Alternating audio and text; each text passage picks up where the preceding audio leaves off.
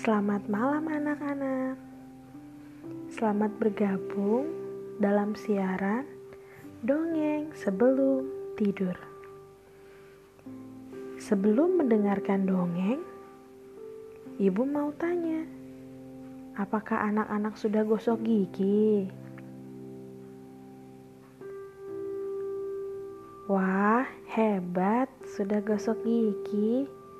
Bagi yang belum, Jangan lupa untuk gosok gigi ya. Nah, sekarang waktunya kita untuk dongeng sebelum tidur.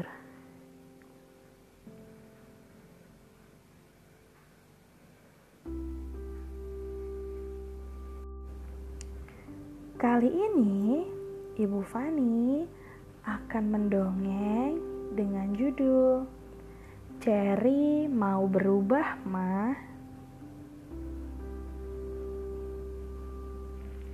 Di sebuah rumah yang cukup besar, ada seorang anak perempuan bernama Cherry. Setiap hari, Cherry selalu berteriak saat ingin meminta sesuatu.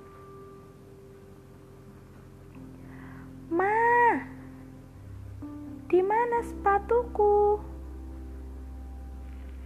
Ma, aku mau minum. Ma, Mama, Mama.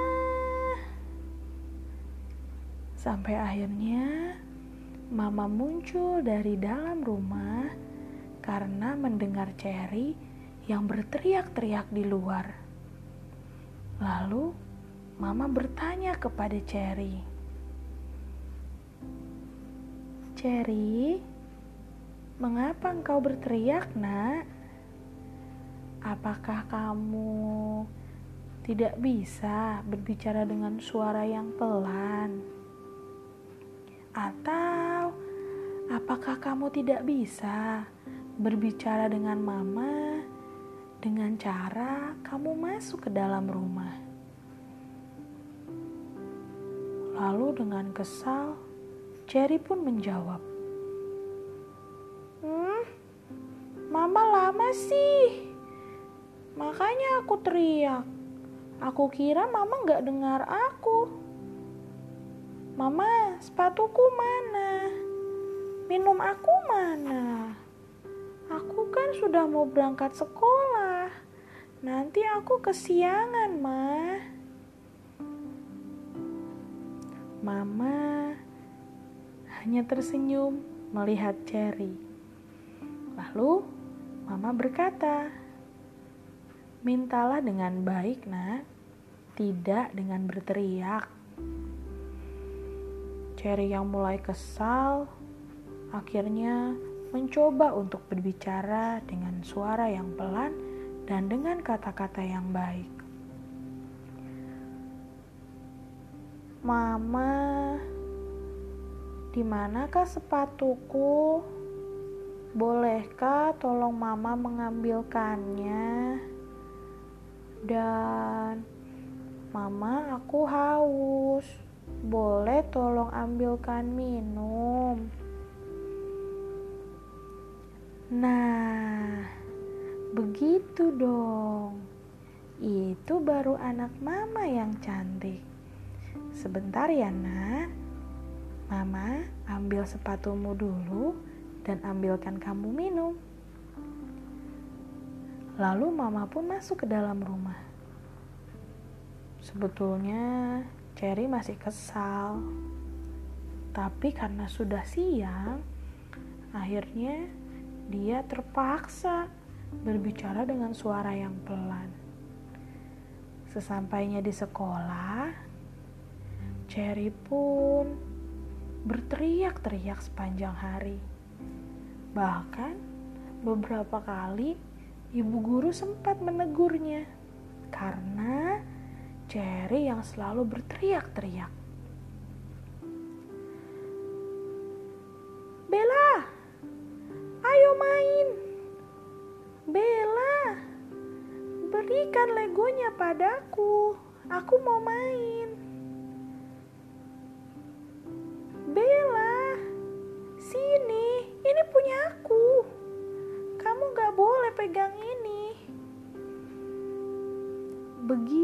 Terus setiap hari. Yang keluar dari mulut Cherry hanyalah suara yang keras dan juga omelan-omelan. Suatu hari, ketika Cherry bangun di pagi hari, tiba-tiba dia tidak bisa berbicara. Suara yang keluar hanyalah suara yang kecil sekali. Mama, mama, mama, mama. Mama Cherry yang kaget langsung membawanya ke dokter pagi itu juga. Karena semalam waktu Cherry sebelum tidur suaranya baik-baik saja. Akhirnya mama pun membawa Cherry ke dokter THT. Sesampainya di sana, dokter berkata, "Cherry, kamu harus mengurangi berbicara dengan suara yang keras ya." Karena bagian tenggorokanmu jadi sakit dan akhirnya kamu jadi tidak bisa bicara seperti sekarang.